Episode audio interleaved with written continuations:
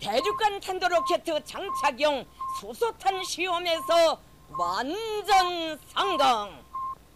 Atomprogrammet på 440 Hz.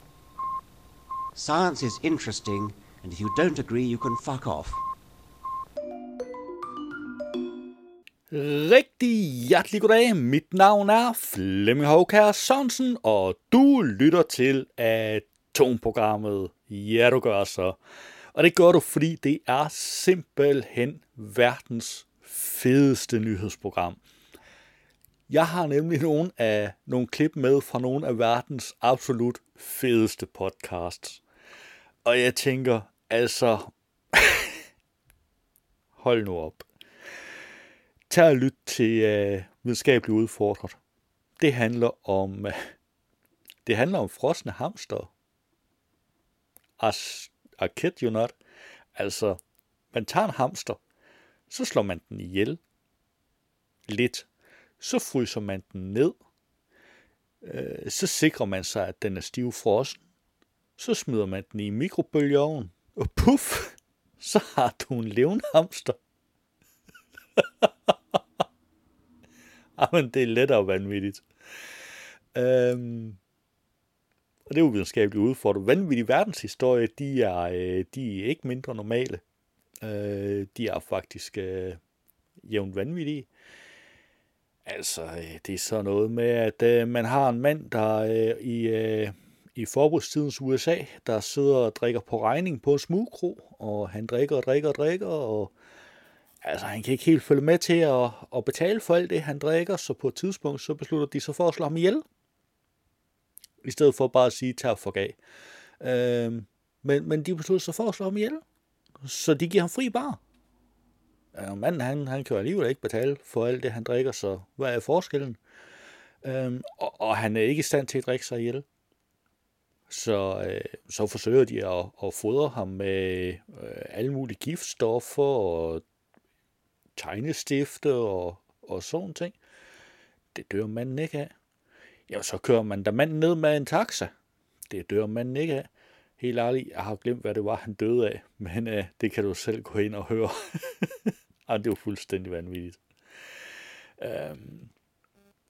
Derudover så har jeg også et klip med fra Brainstorm. Forskere kritiserer udbredt læringsteori.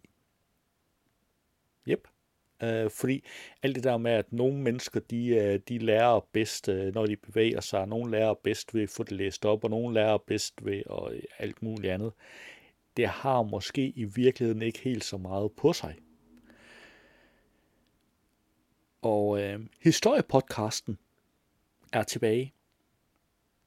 Og øh, deres, øh, deres første omgang her efter, efter pausen, det er Sex and the Soviet.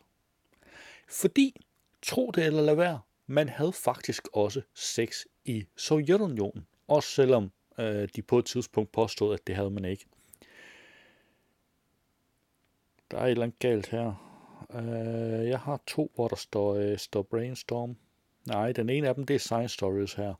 Øh, Music in the Brain 2. Det er, øh, det er afsnit 2 af den du hørte i, øh, i sidste uge. Jeg går ud fra, at du har været ind og, og hørt deres podcast, og ikke kun har hørt klippet her i udsendelsen. Og det her, det er så anden afsnit. Derudover, så ser det ud til, at Transformator bliver fast gæst her resten af året. De har nemlig tænkt sig at, øh, at, at se lidt på, på en masse af, hvad vi, hvad vi ligesom ved og den her gang, der bliver det, vi lever i paradis på jorden, men langtidsprognosen er kedelig. Øh, og det var et super, super, super spændende afsnit, og jeg kan absolut anbefale det. Og jeg glæder mig så vildt til de kommende uger. Derudover, så kan jeg så fortælle dig, at øh, vanvittig verdenshistorie, nu har jeg selvfølgelig fortalt, at den handler om, øh, om ham der, øh, drukkenbolden, de ikke kunne slå ihjel. Men øh, de har faktisk en mere. William Spooner. Og øh, han var en øh, britisk albino med talehandicap. det er lige nøjagtigt så, så vanvittigt, som det lyder. En britisk albino med et talehandicap. Øhm, og det viser sig faktisk, at øh, han er blevet mobbet rigtig meget med hans talehandicap, men ikke med, at han var albino. Man tænker ellers, det er godt for lidt op ad bakker at være albino, men på den anden side, som de gør opmærksom på i podcasten, altså han er jo ikke faldet nævneværdigt ved siden af den gennemsnitlige brite. Han har muligvis ikke engang været den blegeste brite, selvom han var albino. Altså. øhm, så der er simpelthen dobbelt op på, øh, på vanvidet og, øh, i den her uge, og, og det synes jeg bare, vi skal være glade for. Derudover så har jeg også nogle nyheder med. Jeg har faktisk relativt mange nyheder med, og den ene af dem blev jeg en lille smule stødt over. Det var nemlig den, jeg har valgt som ugens nyhed. Søheste er udulige svømmere, men fabelagtige rovdyr. Prøv at høre her. Det er ikke i orden. Det er simpelthen ikke i orden at stå der og kalde søheste for udulige svømmere. Har du nogensinde set en søhest svømme? Det har jeg. Jeg kan så fortælle dig, den svømmer markant bedre, end jeg gør. Så hvis søhesten er en udulig svømmer, hvad er jeg så? Det, jeg bryder mig ikke om, de taler sådan om søheste. Jeg føler mig personligt ramt, fordi jeg er dårligere til at svømme, end den er, og den er udulig. Hvad har jeg ellers med af nyheder? Jeg har virkelig en del, som i relativt mange. Kæmpe sølvskat fundet. Vikingerne opdagede øgruppe i Atlanterhavet. Fanget på video. Chimpanse onanerer med plastikflaske. Og da jeg så den overskrift, så tænkte jeg, ah, har jeg overhovedet lyst til at læse den her? Og så lod jeg være. jeg så godt røbe, at, at efter at have gået og kigget på den overskrift her, hver gang jeg, øh, jeg fangede øh, ekstrabladet øh, den dag, ikke også? Øh, til sidst så overgav jeg mig, og så tænkte jeg, okay, jeg bliver nødt til at læse den her. Og da jeg så læste så jeg, okay, jeg bliver nødt til at tage den med i atomprogrammet. Jeg har tænkt mig at læse en bid af den, og det er aller sidste gang, jeg har tænkt mig at læse den. Nå. Vi har også her kæmpe komet på vej mod solsystemet. Og jeg kan lige skal sige, som det er. Den smadrer direkte ind i solsystemet, men den rammer ikke jorden bare roligt. Uh, hvad har vi mere? Altså smadret direkte ind i solsystemet. Den er allerede i solsystemet, og der er sådan jævnt meget ingenting i solsystemet, så smadret direkte ind i solsystemet betyder ikke, at den rammer noget som helst. Det er ikke bare et spørgsmål om, at den ikke rammer jorden. Den rammer formodentlig ingenting overhovedet. Verdens mindste havskildpadde driller verdens største raket. Det er et sted bare utrolig fedt, ikke også? Verdens mindste havskildpadde og verdens største raket i battle. Altså, det er simpelthen, det, det er så episk. Nå, hvad har vi her? Analysen klar. Kinas månemission har hjembragt sten fra en overraskende ung vulkan. Og der vil jeg bare sige med det samme lige her. Overraskende ung vulkan, det betyder ikke, at den har været i udbrud sådan øh, inden for, for den nærmere øh, fortid det er altså, jeg tror godt, vi kan konkludere, at det er sikkert for, for øh, kommende astronauter at gå på månen. De behøver ikke bekymre sig. Så ung er den heller ikke. Jeg vil faktisk sige, at den er relativt gammel. Den er bare ikke lige så gammel som hidtidige vulkaner, man kender til. Mm, og forskere. Gennem skov har været fanget i tid i 100.000 år. Hvad har vi mere her? Jorden reflekterer mindre lys. Og det gav måske egentlig lidt sig selv. Dengang jeg læste den her nyhed, så tænkte jeg, det burde vi måske alle sammen kunne have regnet ud. Ikke også? Altså det handler om, at der kommer noget lys ind, øh, der, der er ligesom rammer jorden, og så bliver der reflekteret noget lys igen, men der bliver reflekteret en halv procent mindre end tidligere. Hvilket måske giver god mening, fordi hvad er det nu drivhuseffekten er? Det er, at vi ligesom fanger tingene her på jorden. Så måske giver det god mening, at, at vi jo ikke kan hæve temperaturen på jorden på den måde, som vi gør, hvis ikke det er fordi, at der rent faktisk er et er mere energi, der bliver her på jorden, end der tidligere har været. Så jeg var sådan lidt dengang i læsen, Hvorfor var det egentlig ikke almindelig logik for mig i hvert fald? Og for alle andre. Altså det burde vi vel alle sammen ligesom have regnet ud på forhånd. Jeg håber de fleste af, af jer, der lytter her, I havde regnet det ud på forhånd, fordi så er det bare mig, der ikke havde. og det er et eller andet sted mere tryg ved. Nå, men øh, derudover så skal vi jo selvfølgelig også have ugens nyhedsopdatering fra NASA. Lad os kaste et hurtigt blik på, hvilke podcasts, der er dukket op i løbet af ugen. I denne uge er der en ny udgave af Videnskab.dk's Brainstorm podcast. Velkommen til faget Filosofi for viderekommende på Brainstorm Academy. Tak, jeg har glædet mig. Det var godt. Nu skal du lytte efter. Ja. Det klarative udsagn er udsagn, der på den ene eller den anden måde hævder, at noget er tilfældet, og således kan være sande eller falske. Som for eksempel, jeg læser i bogen. Eller, Uh, undskyld, uh, Haller, uh, Ja. hvor, hvorfor bruger du bare hele lektionen på at læse højt uh, for mig? Er det ikke sådan lidt... Uh... Jamen, det var fordi, at øh, jeg tænkte, at du var sådan en øh, auditiv type, Uh-huh. og øh, ifølge en, en anden bog, jeg har læst om, om læringsstile, så øh, lærer du altså bedst, hvis du undervises med lyd. Er der evidens for, at det virker? Nej. Mine damer og herrer, her er endnu en kendskærning om hjernen. Du lytter til en videnskab.dk-podcast, støttet af Lundbækfonden. Velkommen til Brainstorm. I denne episode punkterer vi myten om læringsstile og undersøger, hvorfor den stadig bliver brugt på trods af manglende evidens. Og de forskere, hvis hjerner vi plukker, er Jakob Klitmøller og Andreas Lieberoth. Mit navn er Jars Bastum Kok. Og jeg hedder Asbjørn Mølgaard Sørensen. Velkommen til Brainstorm. Det var en lille bid af Brainstorm. Du kan naturligvis finde et link til podcasten i show notes. I denne uge er der også en ny udgave af Science Stories podcasten. Da jeg hørte det her nummer, London Calling at The Clash, for første gang, smækkede døren uigenkaldeligt til barndommen, og min ungdomsår begyndte. De fleste af os har et helt særligt forhold til den musik, der virkelig rørte os som ung. For Peter Wust var det Paul McCartneys Venus and Mars, der satte kursen for hans liv. Det, der skete for mig, da jeg var 13-14 år, det var, at jeg hørte et stykke musik. Jeg var over ved naboens pige, og så satte hun nogle øh, hovedtelefoner, på mig, hovedtelefoner på mig, og så sagde hun, du skal lige høre den her plade, Peter.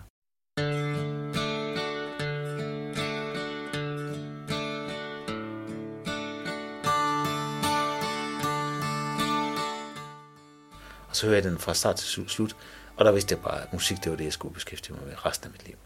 Det var simpelthen for stort. Og det, som jeg i virkeligheden gør nu, det er, at jeg selvfølgelig stadigvæk spiller en masse musik, men øh, også interesserer mig for, hvorfor fik jeg den der vanvittige oplevelse, hvor jeg bare vidste, at for mig var der ikke noget, der var større end musik. Det var en lille bid af Science Stories, og du kan naturligvis finde et link i show notes.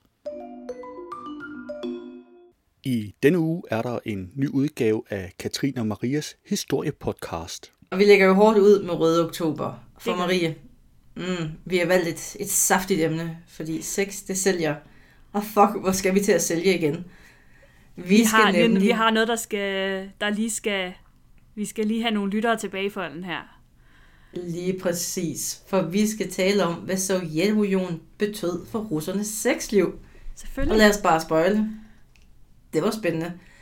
Altså, før revolutionen, lidt stille og roligt, lidt undertrykt, konservativt, og så går man til altså, rimelig hæftige swingerfester.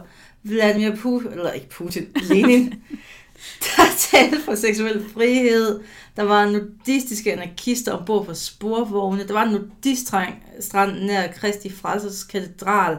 Altså, du ved, sådan hyggelige ting, man lavede efter revolutionen. Man Det var- knaldede. til højre og til venstre. Men så bare 50 år efter, så står der faktisk en kvinde på russisk tv og siger, sex findes ikke i Sovjetunionen. Vi har ikke sex i Sovjetunionen. Lige den anden grøft, må man sige. Der var sådan lige et lille hop der. Der var et lille hop. Så man går altså fra øh, at have den her total åbenhed til total nedlukning. Og hvad gik der galt? Altså, whatever happened. Øh, Så i dag, der løfter historiepodcasten de sovjetiske dyner og finder ud af, hvad der er op og hvad der er ned i den her sag. Det var et lille klip fra Katrine og Marias historiepodcast. Du kan finde et link i show notes. I denne uge er der en ny udgave af Videnskabeligt Udfordret. Okay, okay, så du siger til mig, at hun har fundet ud af at putte et hamster ind i en Tupperware-bøtte Ja. og putte det ind i kø- køleskabet. Ja. Så at den bedøver sig selv ved koldioxidforgiftningen, fordi den ikke kan få luft i kassen. Ja. Og så når den er blevet kold nok, smider hun den ned i isvand, så den dør. Ja. Så fryser hun den helt ned, leger og gokker den ned i bordet, for at være helt sikker på, at den er død og stivfrossen. Ja. Og så tager hun en rødglødende ske og genopliver den med. Ja. Ja, Flemming. Og det er forskning. Det er nemlig forskning. Det er, jeg er imponeret.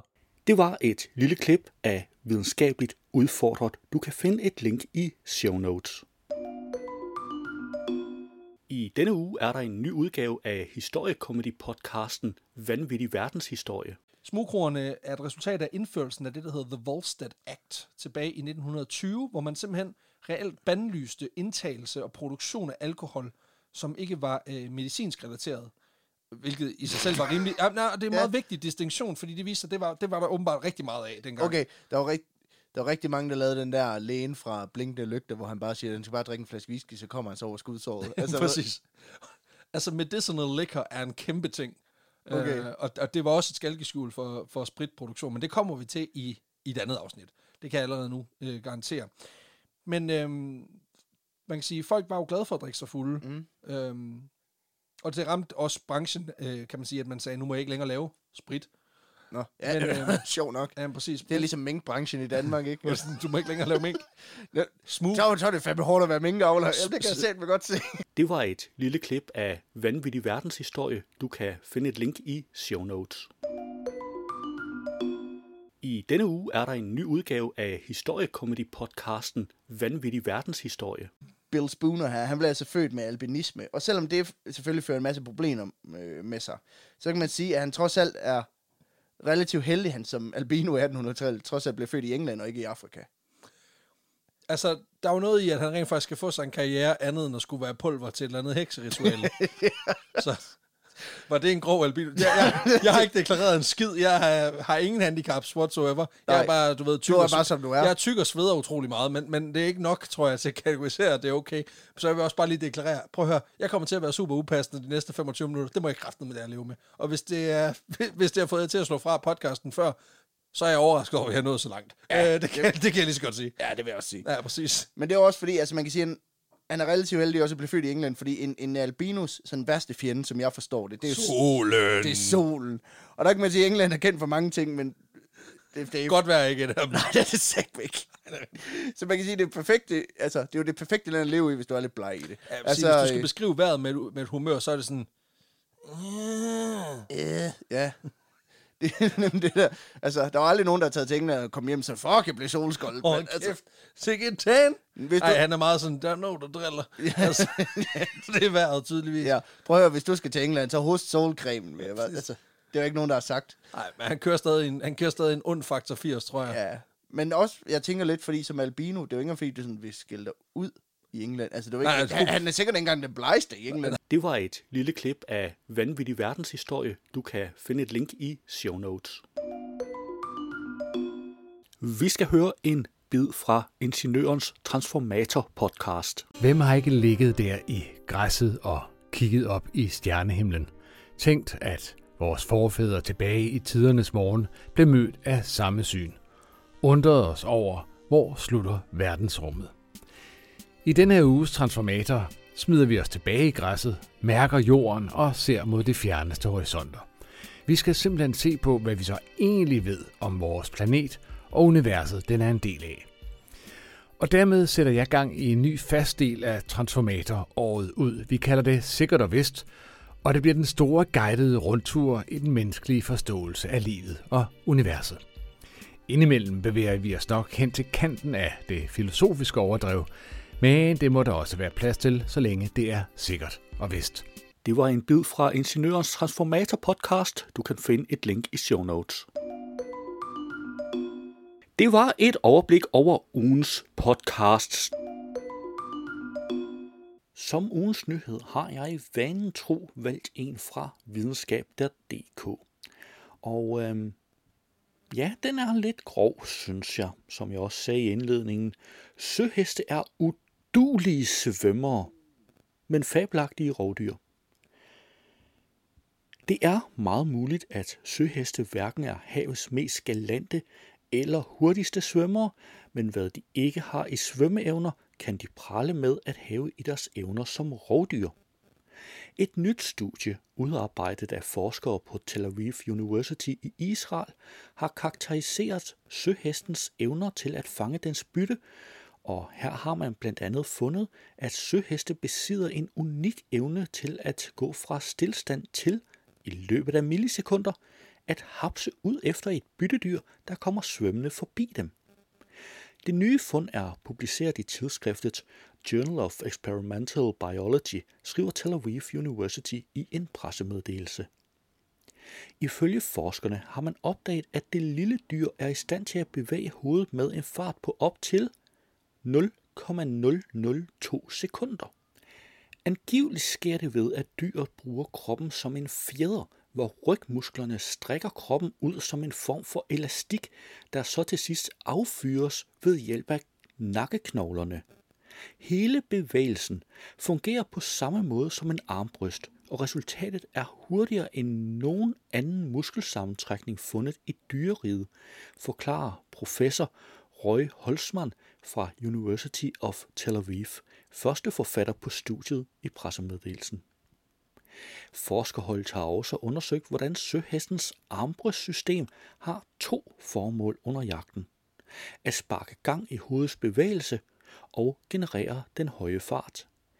Begge er de med til at gøre det muligt for dyret at hapse små dyr, der normalt kan undvige rovdyr. Universitetet skriver i pressemeddelelsen, at de nye undersøgelser kan være med til at kaste lys over søheste og længden på deres næser, som ifølge forskerne er en del af kroppen, der er med til at bestemme effektiviteten af armbrystteknikken. Fra et evolutionært perspektiv har søheste skulle vælge imellem en kort næse for stærk indsugning af vand og moderat hovedløft, eller en lang næse til hurtig hovedløft og svagere indsugning af vand, skriver øh, Røg Holzmann. Dette valg hænger naturligvis sammen med den tilgængelige kost. Langnæsede arter fanger mindre og hurtigere dyr, mens kortnæsede arter fanger tungere, men sværere dyr. Du kan naturligvis finde et link til artiklen i show notes. Lad os se på nogle af ugens nyheder. På Ekstrabladet fandt jeg kæmpe sølvskat fundet. Måske man skulle hive metaldetektoren frem fra gemmerne og tage ud for at scanne jorden. Det gjorde to ildsjæle i oktober i fjor, og her fandt de en krukke med en masse sølvmønter fra både England, Tyskland og Danmark ved Rødsvedby på Sydvestjylland. Hele 600 mønter. Fundet kan ifølge Sorø Kunstmuseum dateres tilbage til 1000-tallet, og hver mønt måler knap 1,5 cm i diameter. Museet mener, mønternes ejermand har været yderst velhavende, og at personen har gravet dem ned alene af den årsag, at de ikke skulle findes og stjæles. På politikken fandt jeg. Vikingerne opdagede øgruppe i Atlanterhavet. Hedtil har man ment, at den lille øgruppe Azorerne langt ude i Atlanterhavet blev opdaget af portugiserne i 1427. Nu mener forskere med nye metoder at have bevist, at det skete 700 år tidligere, og at de første gæster havde sejlet betydeligt længere. På Ekstrabladet har jeg fundet, fanget på video, chimpanse onanerer med plastikflaske. Den mandlige chimpanse, Arali, er nok ikke selv klar over det, men han er ufrivilligt blevet observeret af forskere i det, de mener er onani med en plastikflaske. Arali kan dog trøste sig med, at optagelserne er lavet i forskningens navn. Det er angiveligt nemlig første gang nogensinde, Forskere kan dokumentere, at chimpanser i det fri benytter sig af menneskeskabte objekter som sexlegetøj. På BT har jeg fundet kæmpe komet på vej mod solsystemet. Den 21. januar 2031 er en dag, du skal skrive i kalenderen. Her mener forskere nemlig, at den hidtil største og mest massive komet nogensinde registreret vil passere jorden. Navnet er Bernardinelli Bernstein-kometen, og den måler angiveligt intet mindre end 150 km i diameter. Det skriver National Geographic. Kometen, der er navngivet efter astronomen Gary Bernstein og forskeren Pedro Bernardelli, er lige nu hele 3 milliarder kilometer væk, og derfor går der altså næsten 10 år, før den kommer tæt på jorden. Det var ugens nyheder, og du kan naturligvis finde links til samtlige artikler i show notes. Lad os se på nogle af ugens nyheder. På Ingeniøren har jeg fundet, verdens mindste havskildpadde driller verdens største raket. Hasselmus forsinket Baltic Pipe. Vandsalamanderen forsinker Amagerfællet byggeriet. Og på den anden side af kloden er det rovfugle, ocelotter og verdens mindste havskildpadde, der forsinker opsendelsen af verdens største raket, Starship-systemet. De amerikanske flymyndigheder, FAA, har nemlig vurderet, at arbejde på Starship-systemet og opsendelserne risikerer at have skadelige effekter på truede arter i området. No shit, Sherlock, fristes man måske til at udbryde, eftersom Elon Musk har haft en fail-fast-strategi, hvor eksplosioner var en fast del af udviklingen. På videnskab.dk har jeg fundet analysen klar. Kinas månemission har hjembragt sten fra overraskende ung vulkan. Det kinesiske rumfartøj Chang'e 5 vendte 16. december 2020 hjem til jorden efter at have samlet stenprøver fra månen. Mere end 40 år efter at USA og Sovjetunionen lykkedes med at hente sten hjem fra månen, har Kina nu sine egne prøver, og efter mange måneders undersøgelser er konklusionen på, hvor stenene stammer fra, nu klar. Stenene er 2 milliarder år gammel basalt, der er en bjergart, som opstår ved størkning af magma. Basalten stammer derfor fra langt yngre vulkanrester end stenene fra den amerikanske Apollo-mission fra mellem 1969 og 1972, som viste sig at være mere end 3 milliarder år gamle. På videnskab.dk har jeg fundet forskere. Gemskov har været fanget i tid i 100.000 år. Dybt inde i regnskovene på Yucatan-halvøen i Mellemamerika gemmer sig et system af sumpede træer og plantearter, der normalvis kun er at finde i saltvandsområder, men har tilpasset sig til at vokse i ferskvand.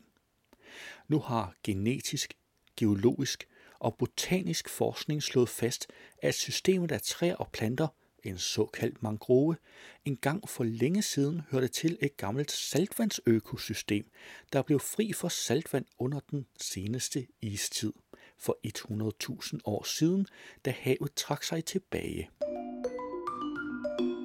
På ingeniøren fandt jeg, jorden reflekterer mindre lys. Jorden reflekterer mindre lys end tidligere, fastslår forskere fra Big Bear Solar Observatoriet i det sydlige Kalifornien, som har studeret, hvordan jordskinnet har fluktueret siden 1998. Det skriver Space.com. Og fordi det lys, der ikke reflekteres ud i rummet, er fanget i jordens system, har skiftet i klodens refleksion også betydning for vores fremtidige klima, hvor det muligvis kan øge hastigheden af de menneskeskabte klimaforandringer. Det var ugens nyheder, og du kan naturligvis finde links til samtlige artikler i show notes.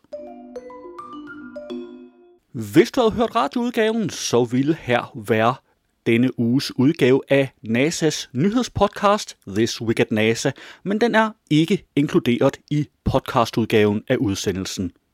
Du kan finde et link til den i show notes.